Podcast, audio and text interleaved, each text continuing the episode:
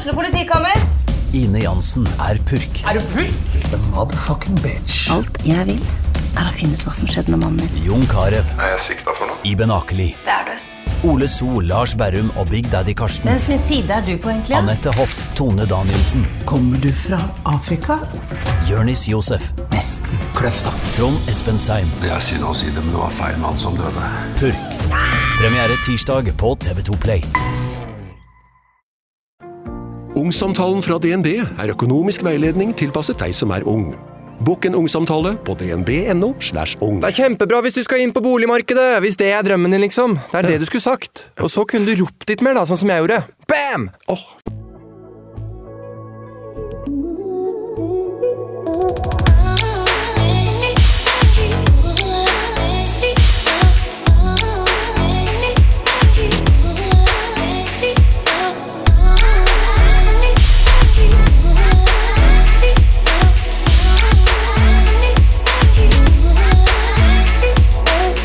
Du skal nå få høre historien som for noen uker siden eksploderte på sosiale medier. Da storesøsteren Alexandra delte historien til familien og Viktor. Om svikten, rusen og helvete de står i. Om broren de allerede har mista. Kampen for Viktor sitt liv, mot helsevesenet og rusen. Dette er del to.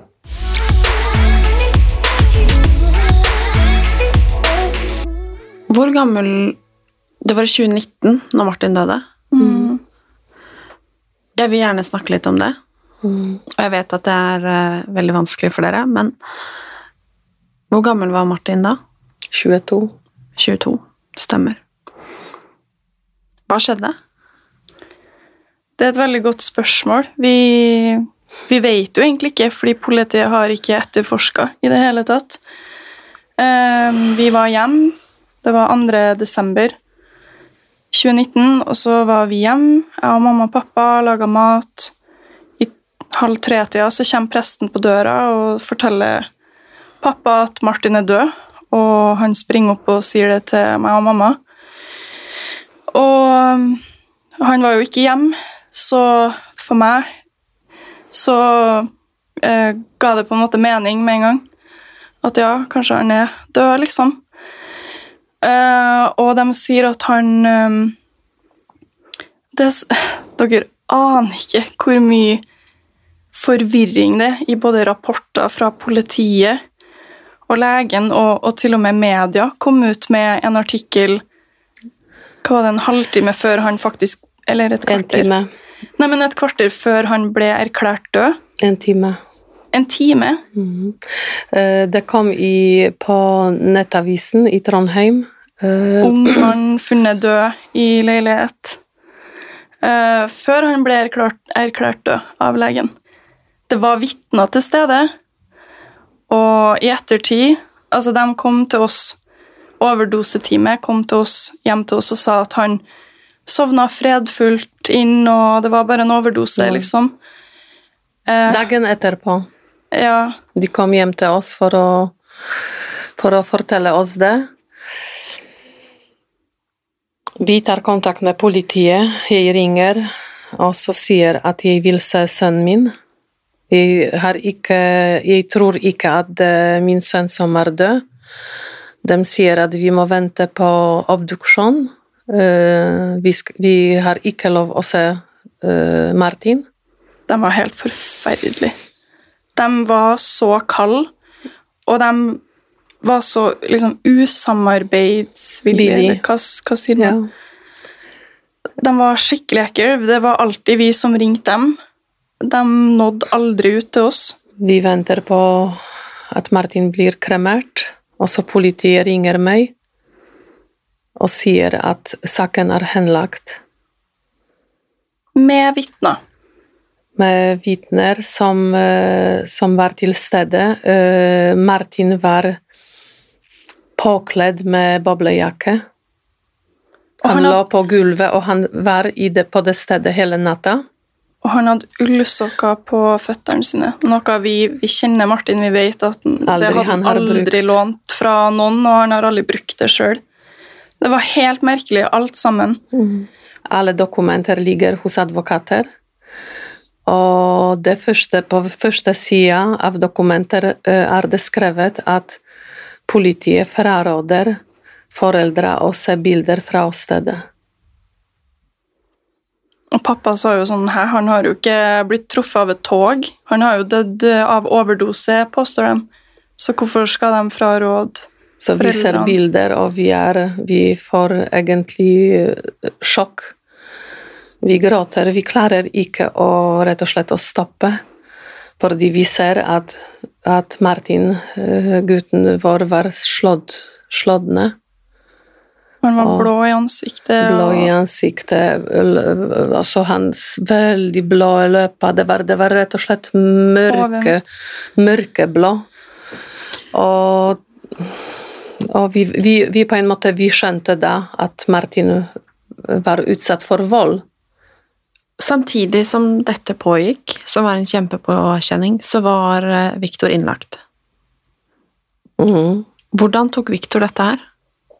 Å, fy faen. Jeg husker når vi, når vi kom dit eh, Det var jo seinere på ettermiddagen.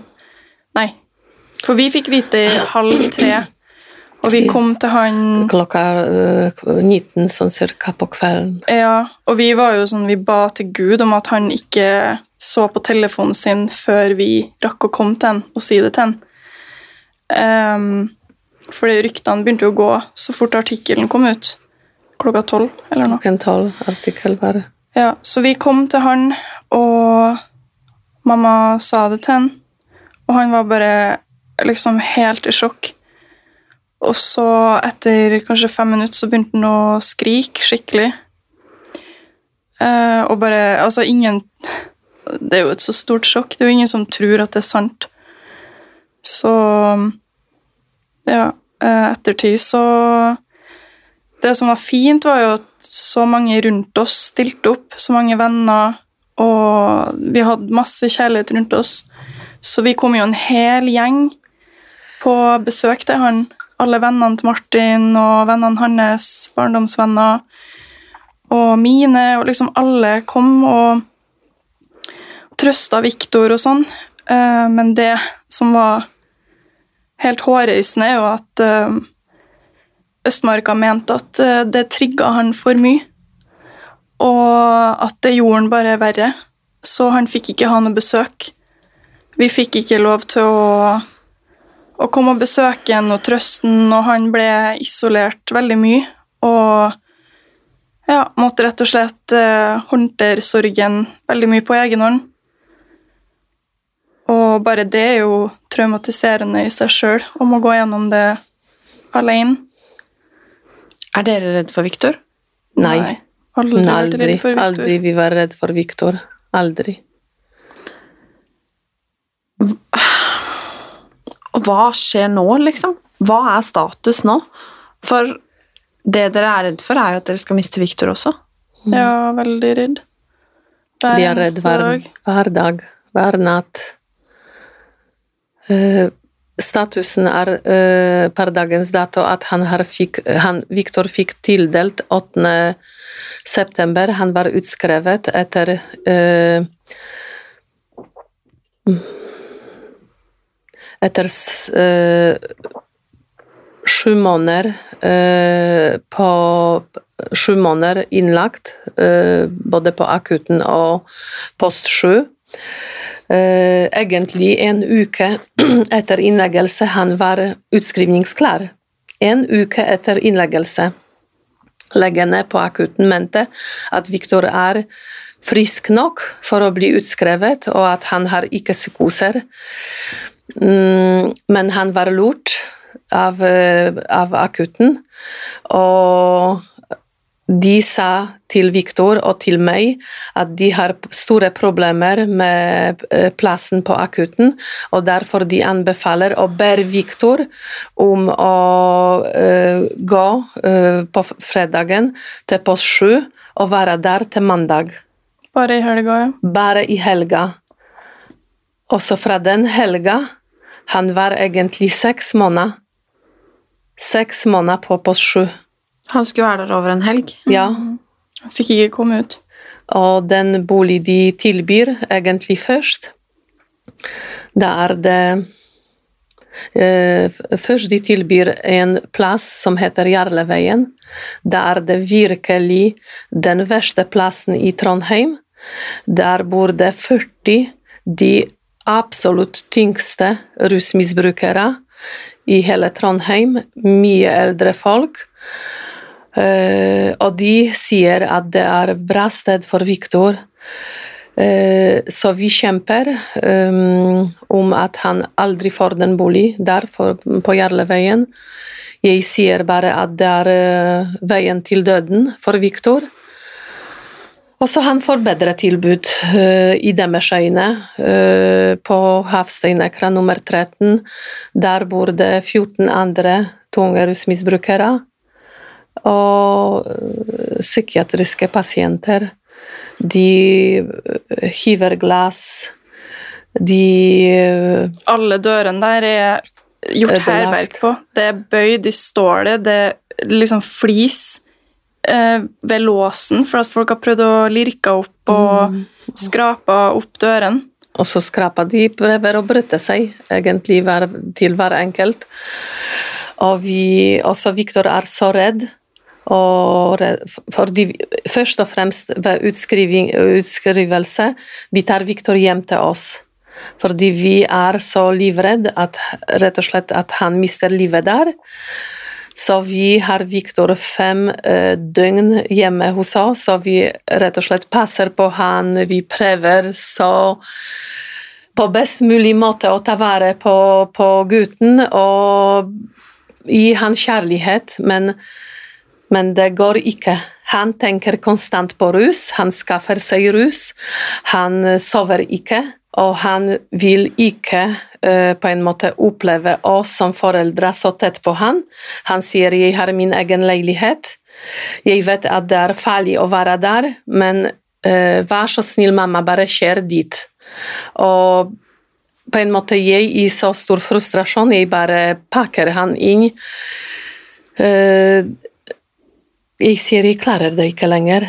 Jeg er så utslitt at vi har ikke sovet på flere dager. Og faren klarer ikke egentlig å henge med på jobben, så jeg kjører han i frustrasjon på morgenen. Pakker alt sammen, og så, og så Victor ringer meg etter noen timer. 'Mamma, kan du være så snill komme?' Det er folk som banker på, det banker på døra, banker på, eh, på terrassen, på terrassdøra. Jeg er så skremt. Vær så snill, kom. Og sånn egentlig er hverdag. Mm. Så etter noen netter eh, Victor sier til meg, 'Mamma, vær så snill, kjøp kamera'. Fordi da, hvis jeg dør, hvis jeg mister livet, da vet du hvem eventuelt drepte meg. Ja, det er rett og slett eh, et helvete. Og mamma må fære opp dit og fikse ting, jage ut folk. Det er jo livsfarlig for hun òg. Du vet aldri hva sånne syke mennesker kan finne på å gjøre. Så pappa er jo konstant bekymra. Han, han er så redd, og det var jo det som egentlig gjorde at jeg posta For det starta med at jeg posta et innlegg på Facebook først. Der jeg Fordi du kom hjem, og du aldri så meg. Ja, jeg kom hjem fra Peru for sånn to-tre uker siden. Og så ser jeg mamma er jo borte hver kveld. Pappa ligger på sofaen og er dritdeppa og, og sykt redd. Bekymra. Så han sier at han føler seg dårlig, og da ringte en alarm i hodet mitt der jeg vet at han har hatt sånn trykk i brystet før.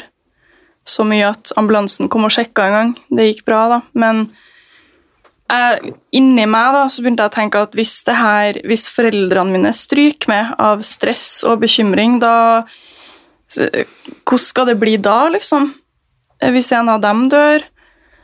Eh, Så da ble jeg bare Dagen etterpå så tenkte jeg bare nå gir jeg faen i alt og alle. Og bare begynte å skrive. Det tok meg tre minutter å skrive et innlegg på Facebook som ble delt eh, Jeg aner ikke hvor mange ganger, men eh, overalt, egentlig. Og NRK ringte meg dagen etterpå, var interessert.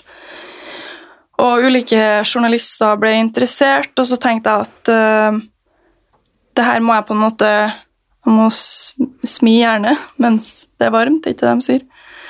Så jeg skrev jo denne historien til Viktor på Instagram. Så tok jo det helt av. Så, men ja, det var av, rett og slett ut av bekymring for foreldrene mine, og selvfølgelig Viktor, men som pårørende så blir du vant til situasjonen til en viss grad, ikke sant? Så har jo alltid en konstant bekymring for han, men når, når kommunen ikke har lyst til å hjelpe til, og det går utover foreldrene mine så mye, da Det går ikke an lenger. Jeg, jeg driter i skulle si alt og alle. Eh, til og med Viktor, på en måte. At jeg bare skrev det innlegget der og bare posta det, for at det nok er nok, altså. Det går ikke an. Ikke få noe hjelp i det her. Og vi vet hva som skjedde med, med Martin. Og det at vi gråter eh, hver dag etter Martin, at vi har den forferdelige smerten å bære, og ikke ha Martin lenger med oss, det, det er helt grusomt at på en måte du har søkt Altså, vi har søkt om hjelp til så mange. Folk sier jo bare at ja, men den personen er gal. Den er syk. Det er ingen som tror på dem. Jeg har fått flere meldinger fra folk som Det var ei som hadde en eh, pappa som var innlagt, og hun sier at jeg, etter å ha sett historien til Viktor, så tror jeg på pappa. Før Altså, han er død nå, da, men mens han fortalte det til meg, så trodde jeg ikke på han.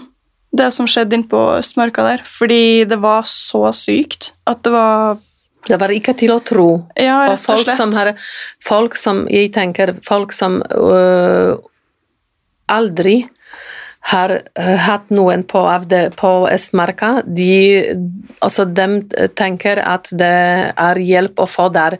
Jeg sier ikke at øh, det er øh, alle sammen som har ikke fått hjelp. Det sier jeg absolutt ikke. Men jeg sier at det er bagatellisert. Det, det vi har fortalt i vår historie med Viktor, det virkelig eh, Det var ikke tatt på alvor i det hele tatt. Og vi, vi ser at Vi ser at egentlig Viktors sitt liv går sakte rett og slett til den retning at, eh, at han kan miste livet når som helst. Så dette er på mange måter et siste rop om hjelp for å hjelpe Viktor? Ja, vil si det. Det siste. Hvis, hvis, eh, hvis egentlig Viktor får ikke eh, riktig behandling, og medisinsk behandling, som vi kaller det også, så Viktor klarer seg eh, aldri lenger enn Så jeg tenker dager, uker. Han er virkelig mistet eh, håp. Han mistet håp at det finnes eh, egentlig bedre, bedre liv. Siden jeg la ut det innlegget, så er det jo Jeg har fått så mange meldinger, så mange tips, så mange historier, alt mulig fint um, som har skjedd ut av det innlegget. Og en av dem var jo at uh, vi fikk tips om et behandlingssted i naturen um, som mamma klarte å overtale Viktor til å dra og se på da, for noen dager siden. Og til stor overraskelse så valgte han å bli igjen, frivillig, for at han så hvor fin den plassen var. Det, det var sånn, så stille. ja, veldig stilt, for han har jo vært i konstant bråk og frykt. Um, så ja, vi er fortsatt Men det er jo veldig sånn usikkert, til og med nå når han har vært der i tre netter, så er det jo Vi er jo egentlig redd hver dag for at han bestemmer seg for å dra, for han er jo der frivillig. Men det er også et veldig stort eh, steg fra hans side, og det viser jo at han har håp, og han har viljestyrke, og han gir ikke opp, til tross for alle traumene og, og den forferdelige behandlinga han har fått. Um, så det virker Vi har fått rapporter fra dem som jobber der, at uh, han føler seg veldig trygg og, og har uh, håp om å bli rusfri, rett og slett. Så Og jeg har jo Sjøl, i og med at det, er jo privat, så jeg har jo ordna en sånn her spleis for å prøve å få støtte til å betale, rett og slett. For at det er så dyrt, og Trondheim kommune nekter. Så um, hvis folk har lyst til å bidra, så hadde det vært helt supert. Um, så det går an å gå inn på spleis.no og søke opp Viktor, og da kommer det med en gang. Um, så for alle dem som har lyst til å bidra og støtte Viktor uh, Han er jo veldig motivert, og han har alltid ville hatt hjelp, men han har aldri fått det. Så det her er på en måte en sånn Siste. Siste mulighet og siste sjanse til å, å hjelpe ham, rett og slett. Ordentlig. For blir han sendt tilbake, så det er som å bli sendt tilbake til en dødsdom. Det er bare spørsmål om tid, egentlig før noen tar knekken på han, eller før rusen tar knekken på han, eller før han sjøl velger å bare gi opp.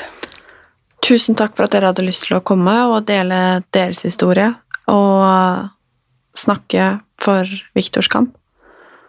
Jeg vet at det krever mye av dere begge, og jeg vet også hvor vanskelig Eller jeg ser hvor vanskelig det er for dere å snakke om det, men jeg er veldig glad for at dere gjorde det, og så håper vi alle sammen, tror jeg, at eh, det går bra for dere alle. Og for alle som er i en lignende situasjon, eller er glad i noen som sliter ekstremt psykisk, eller eh, det og med rus. Det Jeg vet hvordan det er å være glad i noen som, som sliter med rus, og jeg håper at eh, Victor får den hjelpen han fortjener, og at eh, dere snart kan slutte å være redde. Takk. Takk. Tusen takk. Tusen takk at vi kunne komme.